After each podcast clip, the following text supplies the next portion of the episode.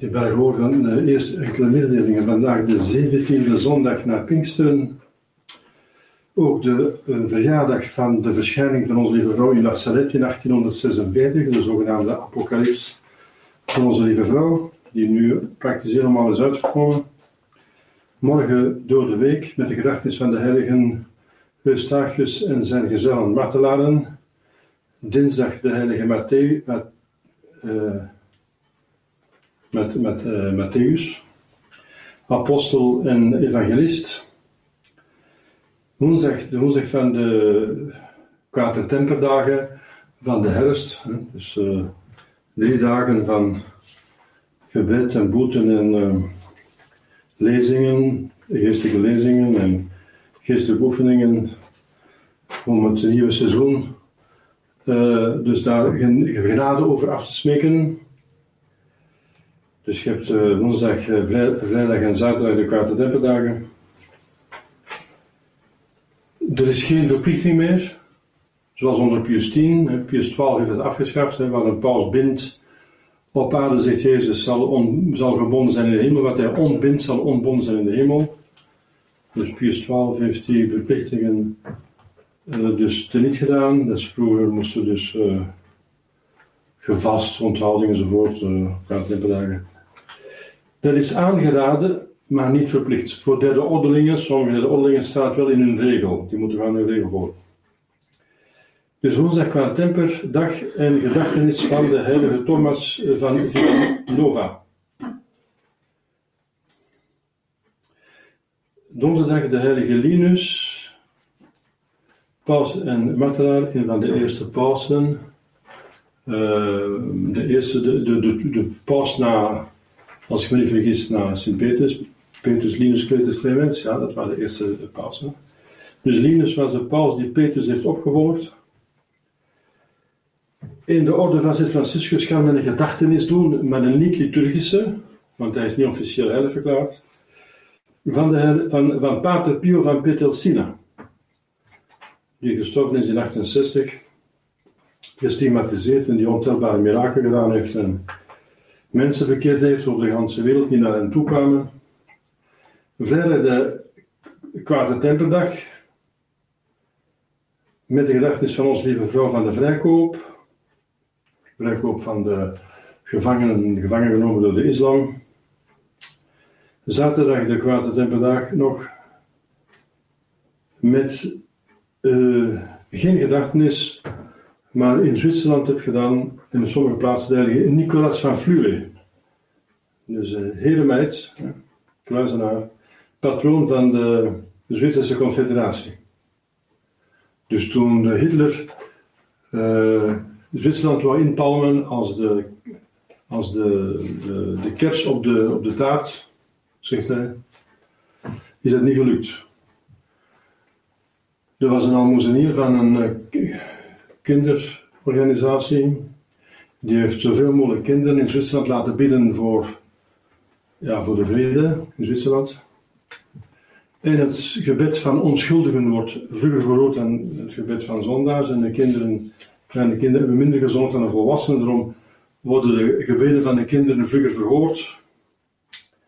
Toen Hitler dus uh, Zwitserland wou inpalmen, ook omdat daar een Duitsstalig gebied is en hij wou een raag, een vuur, een spraak enzovoort. Dus wou, hij dacht dat dus overal wat Duits gesproken was, dat dat, uh, dat, moest uh, ingepalmd worden. Um, hebben ze allemaal, en ook de protestanten getuigen dat, een historisch feit, alleen staat het niet in de boeken, in historische boeken, want het is politiek niet correct, omdat het een, een waarheid is die uh, stoort. Hebben ze een grote hand zien verschijnen in de hemel die uh, tegenhield. En met dit fenomeen tegelijkertijd ging een ander fenomeen gepaard, dat de tanks, de tanken, de tanks, van Hitler, van de, van de, van de nazi's, niet meer vooruit konden rijden. Wel achteruit, maar niet meer vooruit. Ja, toen hebben ze het opgegeven. Dus, dus, dus, Zwitserland is niet ingepalmd geweest, alhoewel dat een machtig uh, leger tegenover stond. Dat is maar een klein land, is Hitler daar niet geweest. Dus je ziet, als je de, de hemel ter hemel ter hulp roept en je onderhoudt de geboden, dan komt God u te doen. Komende zondag, de 18e zondag na Pinksteren. In Frankrijk is het reeds de, sommige plaatsen de plechtigheid van, van de heilige Therese van Lisieux, die de tweede patrones is van Frankrijk. Als ik me niet vergis, is de eerste heilige Michael. En een tweede is de heilige Therese van Lisieux.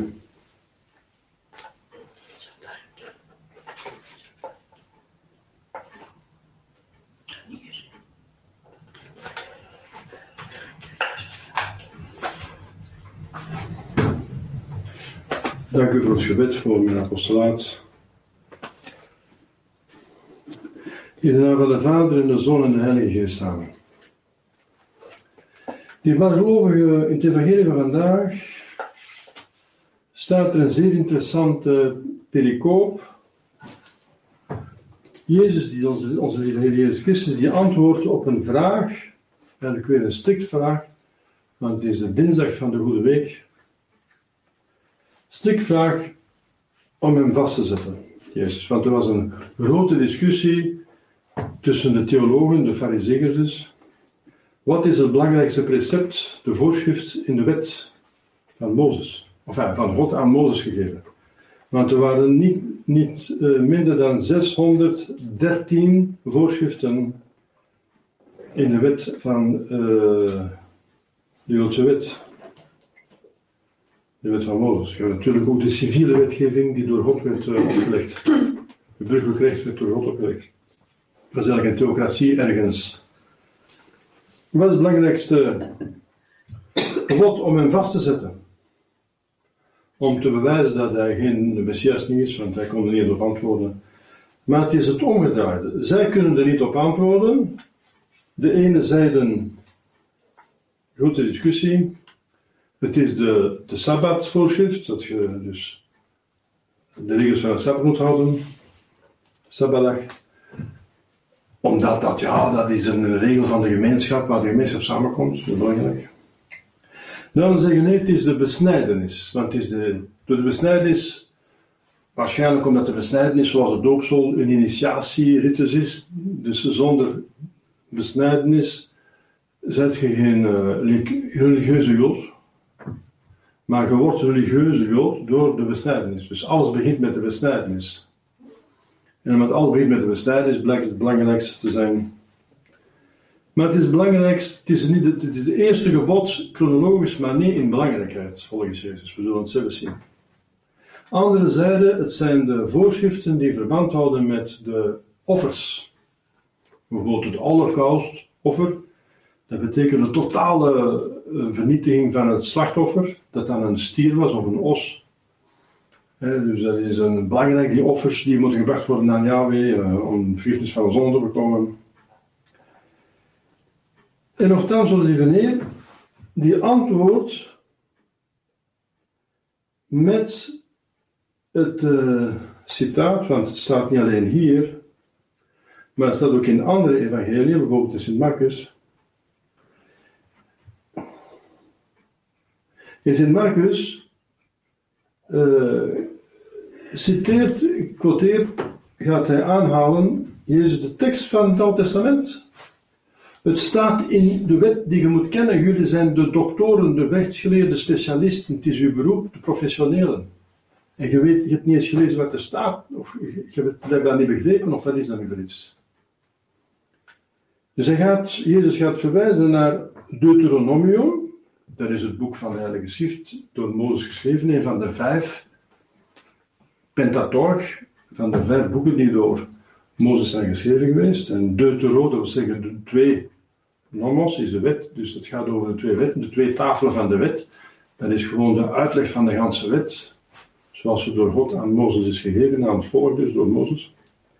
Er staat, want het eerste van alle geboden is, hoor Israël. De Heer uw God uw God is één God. Eén. En bemin de Heer uw God het geheel uw hart enzovoort. En Jezus uh, gaat er aan toevoegen. Hè? Dit is het maximum het primo mandatum. Dus het staat in het Deuteronomium dat het primum mandatum is. Primum omnium mandatum. Het gaat niet om de chronologische eerste, maar het gaat om het primum, dat wil zeggen de eerste in belangrijkheid. Het eerste is primum omnium. De eerste van alle. Dus het stond in de wet. Hoe komt dat ze dat begrijpen? Hoe komt dat ze een balk voor hun ogen hebben, dat ze dat niet zien? Ze kennen de wet bijna van buiten. En toch hebben ze dat niet. Ze hebben dat gelezen, maar het is niet doorgedrongen. Hoe is dat mogelijk? We zitten nog te discussiëren over het belangrijkste gebod, terwijl het God zelf het zegt wat het belangrijkste gebod is. En we kunnen dat, als we een beetje nadenken over de openbaring, gemakkelijk begrijpen. God is liefde. Want uiteindelijk, uh, de culminatie van de actief, dus het leven in God, is het, het voortbrengen, is het, uh, het, het ademen van de Heilige Geest. En die is liefde. Dus de vader brengt de zoon voort door een act van intelligentie, hè, die uitgesproken wordt in God over God. Maar God is dan gekend en zodanig gekend als beminnelijk, dat God ook een achter gaat doen, gaat dat beminnen, gaat die onheilige goedheid beminnen. En dan wordt die liefde wordt uitgesproken, dat is de Heilige Geest. En dat is het leven van God. Dus het leven van God is intelligentie die onmiddellijk brengt naar de liefde. Een intelligentie die brengt naar de liefde. Dus liefde is het belangrijkste, eigenlijk het belangrijkste in God, de goedheid. Voor ons ook is liefde belangrijk, voor mensen. En we zijn geschapen naar het beeld van God, liefde is belangrijk. Liefde is de krachtigste motivatie van iets. Dat is, dat is iets dat het universum doet draaien. Dat is de krachtigste spirituele uh, entiteit is liefde. En tegenover ons ook, niet alleen in God, maar God heeft ons geschapen uit liefde, uit goedheid. En heeft ons daarna heeft ons over ons bekommerd. Dat is de voorzienigheid. Hij heeft ons niet alleen geschapen, en hij zorgt ook voor ons. Met een vaderlijke zorg. Geen haar op uw hoofd zal gekrenkt worden zonder dat vader het ziet. En dan, we hebben gezond, maar God organiseert uit oneindige goedheid de verlossing. Daarna gaat hij de verlossing toepassen en de genade uh, meedelen. Hij is uh, zijn, zijn heiligende werking. Het zenden van de Heilige Geest op om die genade uit te werken. En daarna, het belangrijkste van allemaal, gaat hij ons verheerlijken in de hemel. Een geluk dat ondenkbaar is. Niet in te beelden, niet voor te stellen. Allemaal uit goedheid. Dus al de activiteiten die God tegenover ons doet, is uit goedheid, uit liefde. Allemaal. En vermis het de liefde zoekt naar wederliefde. Liefde is zoals een vuur, zegt de Heilige Schrift. Dus het vuur dat wil andere dingen aansteken als ze tenminste geschikt zijn. Als ze tenminste uh, bekwaam ervoor zijn, als ze daarvoor uh, openstaan. Dat wil zeggen dat ze niet nat zijn, maar droog zijn. Nattigheid betekent hier de zonde. Dus als ze, als ze dus berouwen over een zonde en ze, willen, ze staan open voor het goed, dan wil de Heilige Geest een helemaal inpalmen. Door de zin van het woord. Liefde van God. Dus als, als, als een mens zich door zijn vrije wil uh, geschikt maakt, of, of bekwaam, niet geschikt, dus bekwaam om, om God te ontvangen, dan, dan komt dat vuur. Dus het komt God als een vuur die niet te stoppen is, want een kleine vonk kan de ganse aarde in brand steken als er voortdurend droge dingen tegenkomt die kunnen branden. Dan is er geen einde aan. God is een vuur. Dus hij wil, hij zoekt naar wederliefde. Hm? Trouwens, in God is die liefde van de Heilige Geest is tussen de Vader en de Zoon, tussen twee personen. De Vader neemt het initiatief, maar het is met de Zoon dat hij de Heilige Geest ademt. De Vader met de Zoon.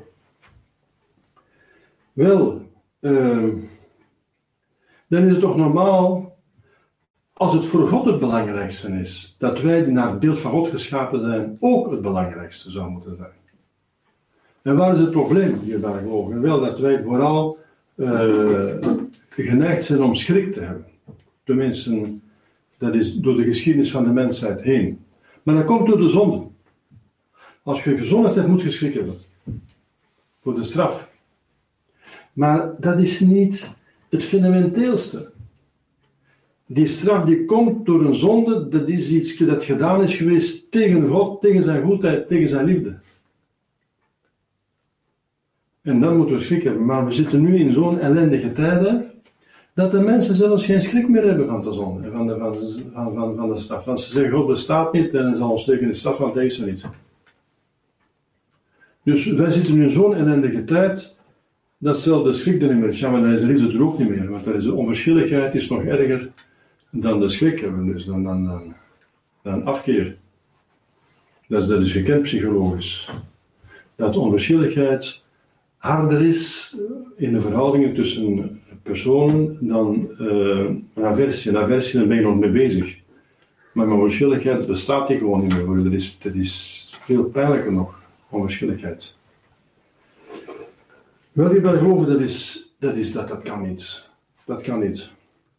Het is normaal dat wij die een, het voorwerp zijn van zo'n oneindige liefde, van de schepping, van het, uh, dat we in leven worden gehouden door alle mogelijke middelen, uh, dat God ons naar het paradijs heeft uh, bestemd, en dat wij dat, dat wij dat dan verknoeid hebben, en dan nog in onze plaats gaat mens worden om te sterven in onze plaats en de straf te ondergaan in onze plaats.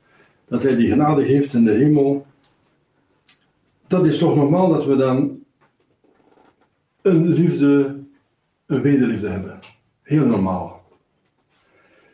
En de angst komt dus van de zonde, van de straf, van de schrik voor de straf voor de zonde. Ja. Uh, daar moeten we door, doorheen kijken. Natuurlijk moeten we schrik hebben om te zondigen. We moeten vrezen om God te beledigen. Dat is waar. Maar we moeten nooit vergeten dat dat niet het fundamenteelste is tussen de, verhouding tussen ons en God. Dat is niet het fundamenteelste. Het fundamenteelste is die oneindige goedheid van God. Laat ons die herkennen. En laat ons wederliefde. God zoekt naar liefde. En het is vriendschap. Hij organiseert een liefdevolle situatie voor de eeuwigheid. De hemel is een liefdevolle situatie. Leven in liefde en vriendschap en goedheid. Dat is wat God met ons voor heeft. En daarom is het belangrijkste gebod van alles, waar alles op gericht is, dat is het doel. Het doel van alles is de hemel. En dat is een vriendschapssituatie, dat is een vriendschapsverhouding. Dat is het doel, het conditio sine qua non, dat is waarom, het waarom alles bestaat. Waarom alles bestaat.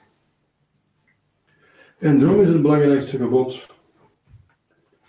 Natuurlijk weet ieder kind dat catechismus heeft geleerd, dat dus uh, kent antwoord op die vraag. Maar we moeten ook nog snappen, begrijpen de diepte ervan om het te beleven. En Jezus vraagt ons drie dingen om het te beleven. God beminnen.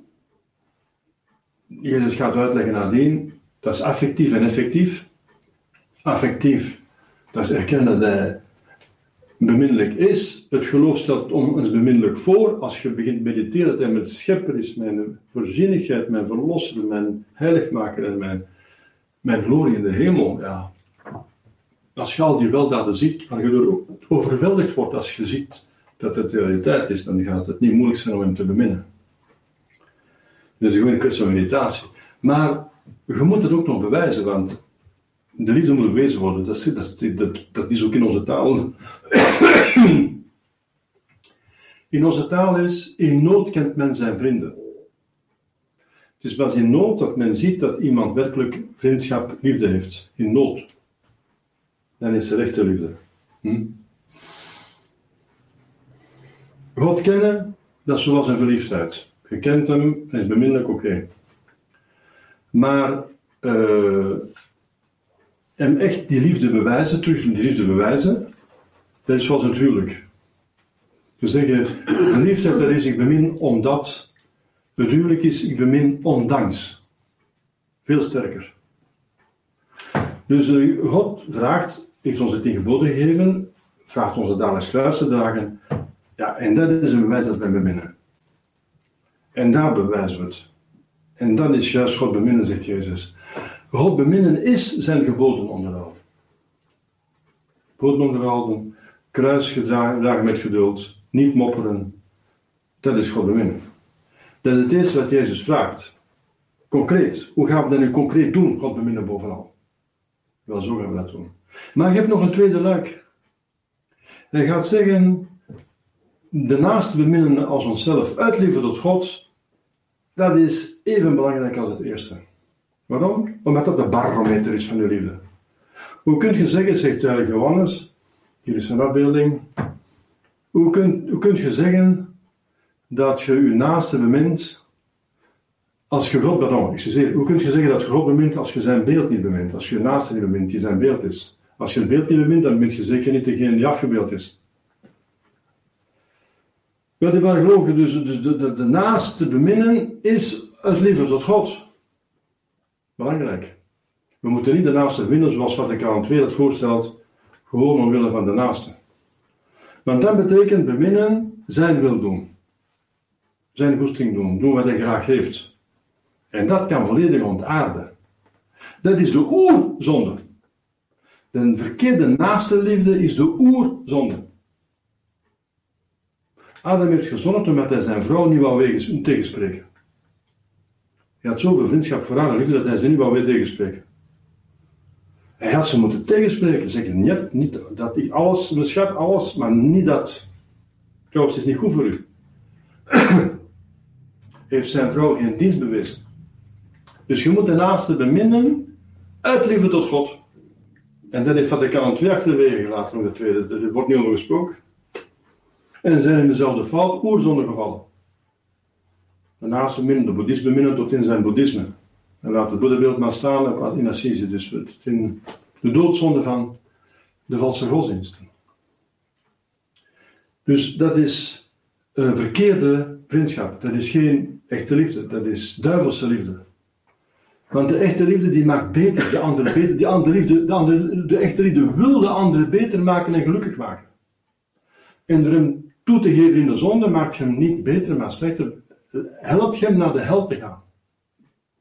Dat is liefde van de maffia. Dat, is, uh, dat zijn vrienden die onder elkaar zeggen: Kan ik u Kalashnikov lenen? Dan kan ik vannacht een bank overvallen. Dat is een, een vriendendienst. Dat is vriendschap, hè? elkaar helpen. Maar dat is vriendschap niet volgens de geboden van God. En dat is zoals twee mensen samenwonen en seks hebben voor het huwelijk. Dan zeggen ze: We beminnen elkaar. Denk eens een keer na: bemint jij elkaar? Je brengt elkaar naar de hel.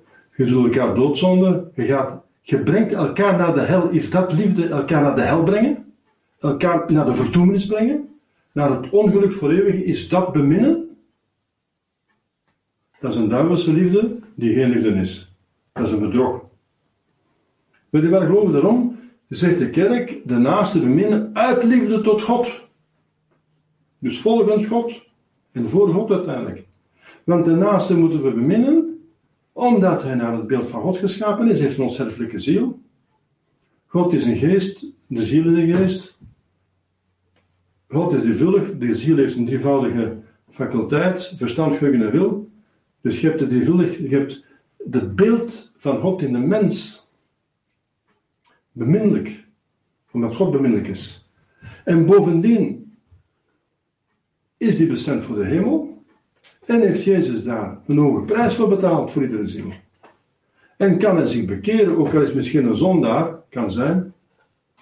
Maar hij kan zich nog bekeren en kan mij nog voorbij steken, zoals een heilige Augustine, zoals Maria Magdalena, of een, uh, een goede moordenaar, kan hij mij nog voorbij steken. Hij kan nog hoger in de hemel geraken dan ik.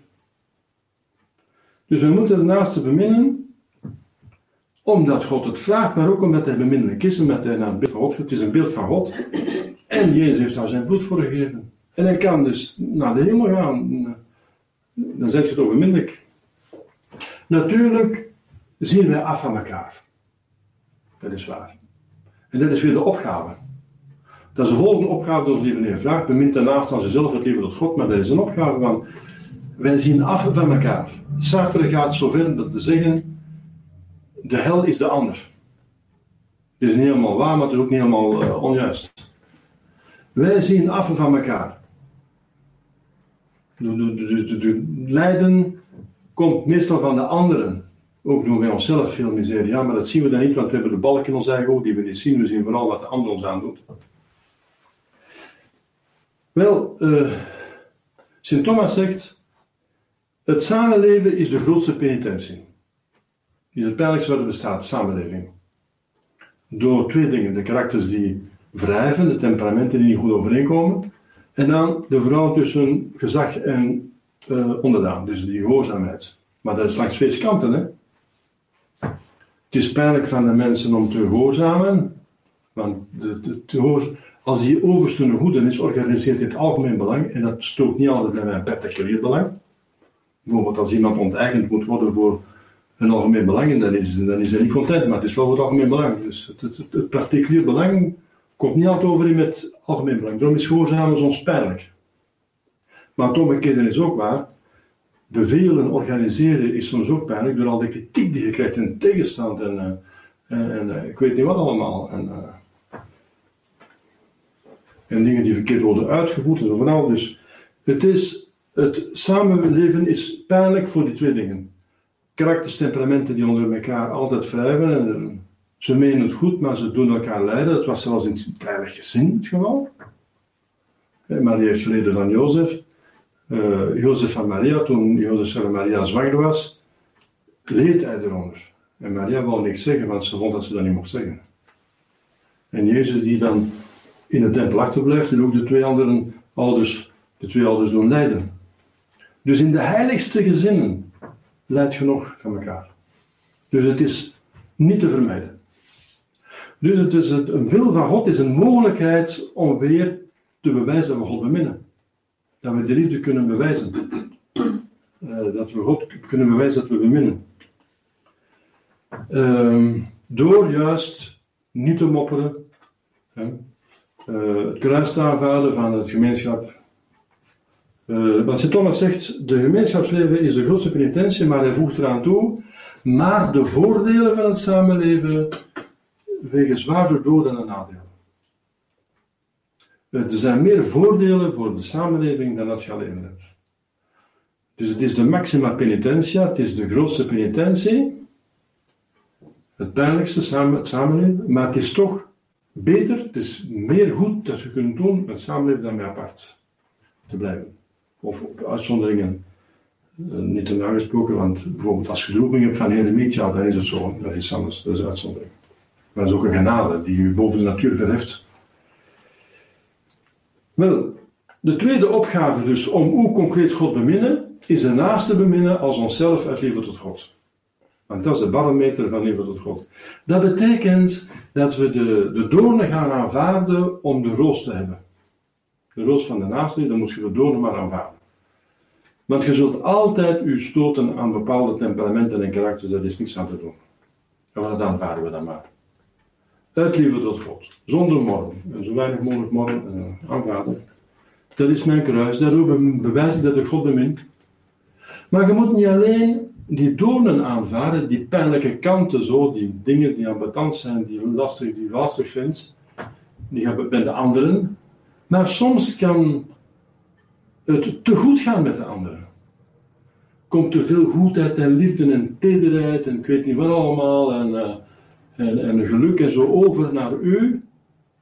Dat ook gevaarlijk is, dat ook niet volgens God is, waar je ook nee moet tegen zeggen. Ik heb gesproken, gesproken van Adam. Dus het kan te pikant zijn, het kan te hard zijn of het kan te zacht zijn. Bijvoorbeeld als een getrouwde man een mooie, lieve, jonge vrouw ontmoet die heel vriendelijk tegen hem is. Ik zeg, je in een winkel ergens zo. En, en, en die man die voelt die goedheid bij die vrouw en die, en, en, die, die vriendelijkheid en, die, en die deugden zelfs in dat, mens, in, dat, in dat mens. Die voelt zich daardoor aangetrokken. En die voelt, die voelt zich er goed bij. En wel, dan moet je niet tegen zeggen. Niet, omdat het ook niet volgens God is. En dat is zo voor getrouwden, of zelfs voor ongetrouwden als ze een getrouwde tegenkomen, of, als ze, of, of, of voor, voor religieuzen of voor priesters, of voor mensen die een gelofte hebben afgelegd van, van, van, niet te trouwen of zo. Uh, dat is maar een voorbeeld. Dus je moet nee zeggen, bijvoorbeeld dat is ook, ik kom terug op de zonde van Adam. Hij heeft zijn vrouw, waar hij, zeker een zeer goede vrouw geweest zijn die bij hem paste. Want God had ze juist geschapen voor elkaar. Dus die passen geweldig goed bij elkaar. Dat is een super vrouw geweest voor Adam. Een goede vrouw in die, in die zin dat ze goed bij elkaar passen. Hij is daar meteen op verliefd geworden en zij ook, dus dat was geen probleem. God weet goed hoe hij de dingen moet doen. Wel, uh, hij had nee moeten zeggen tegen die vrouw. Juist omdat hij ze bemint, zeggen, schat, les het is. Dat kan niet. En als ik ja zeg, dan gaat je, ik je pijn doen. Ik ga je slecht doen. Ik ga je, zoals ik zei, als je de andere toegeeft, en het is een doodzonde, dan brengt je hem naar de hel. Dan bewijst je hem toch geen dienst. Dat is een vastheid van Vaticaan II. We gaan vriendschap sluiten met iedereen, met alle vijanden van de kerk. Met de protestanten, met de anglikanen, met de Oosterse schismatieken, met, uh, zelfs met de, de vrijmetselaars met de communisten. Ze hebben de communisten uitgenodigd. met iedereen en allemaal. Ze gaan vriendschap sluiten. Maar vriendschap is alleen maar goed als het in het goede is, niet als het tegen de geboden van God ingaat.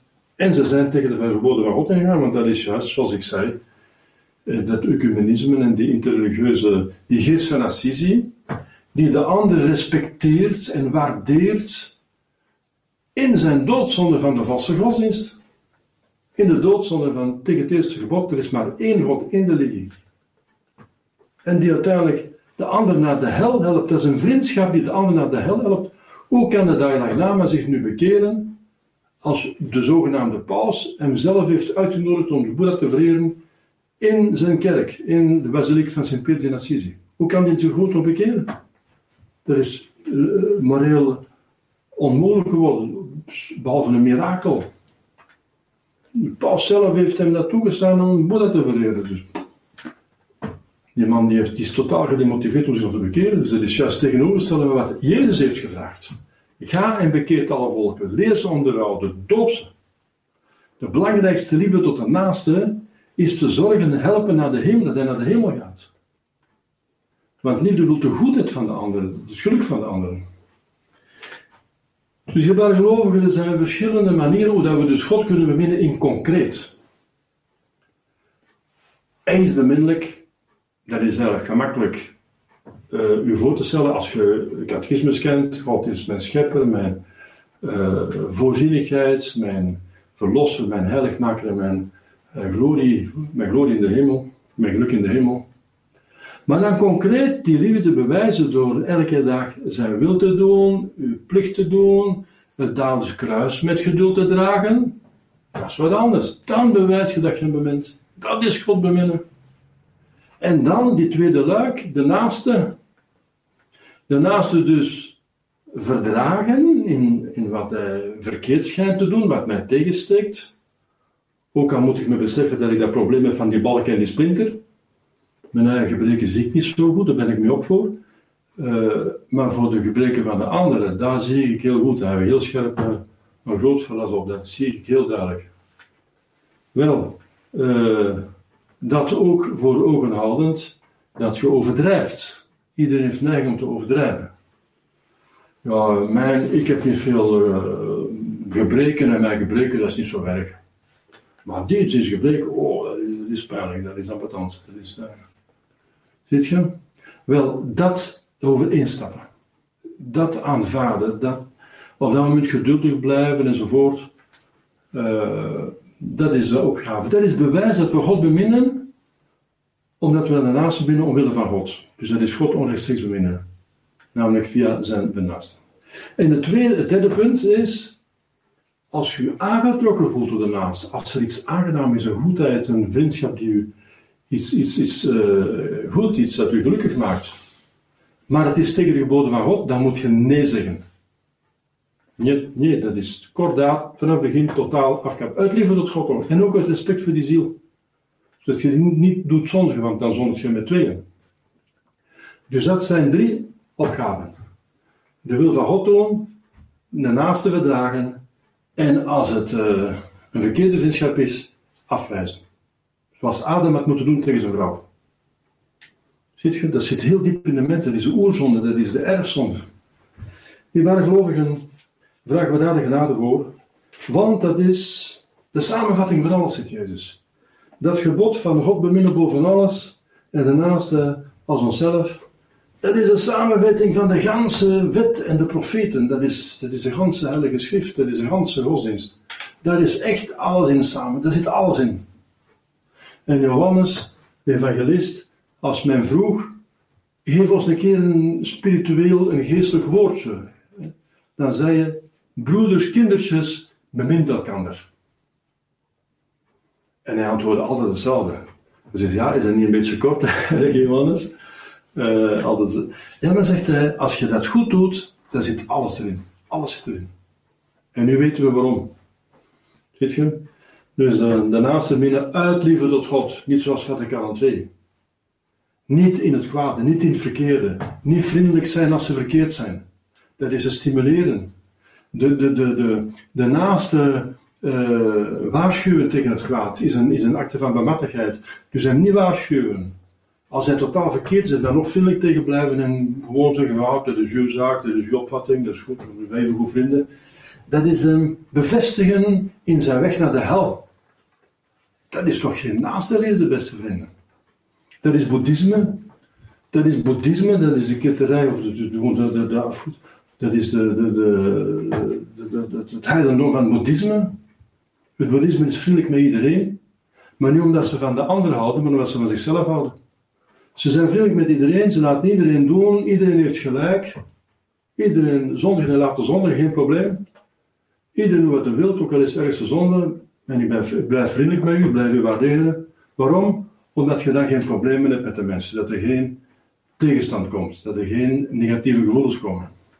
Heb je vrede. Om de vrede te hebben, om gerust gelaten te worden, om met iedereen goed te staan, geeft iedereen gelijk, ook al is de grootste smela per excuseer. Dat is boeddhisme, dat is, dat, is gewoon, dat is gewoon totaal verkeerd. Dat is een egoïsme. Dat is, uh, ik wil die anderen niet helpen naar de hemel. Ik laat hem naar de, als hij naar de hel loopt, dat naar de hel loopt, zolang, zolang ze mij maar gerust laten. Dat ik in mijn comfort kan blijven. In mijn, dat ik gerust kan blijven.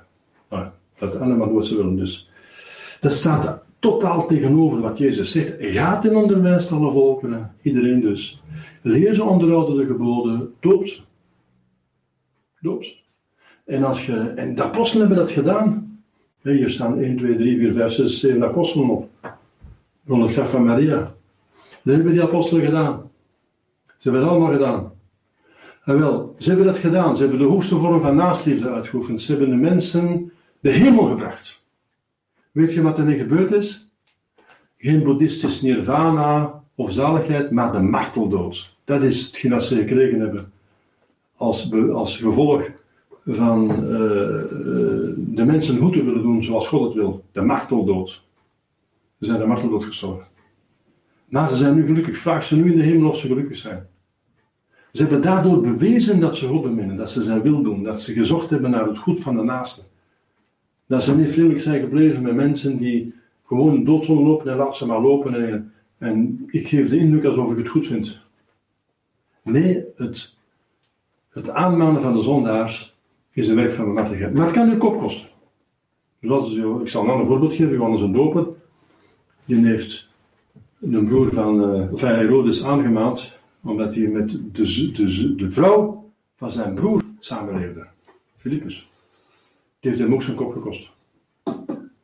Maar Johannes wordt beschouwd, zegt Jezus, volgens Jezus, als de grootste heilige van het Oude Testament. Vragen we Maria deze genade, om God te beminnen boven alles. En dat ook te doen zoals Jezus het vraagt, concreet gezien.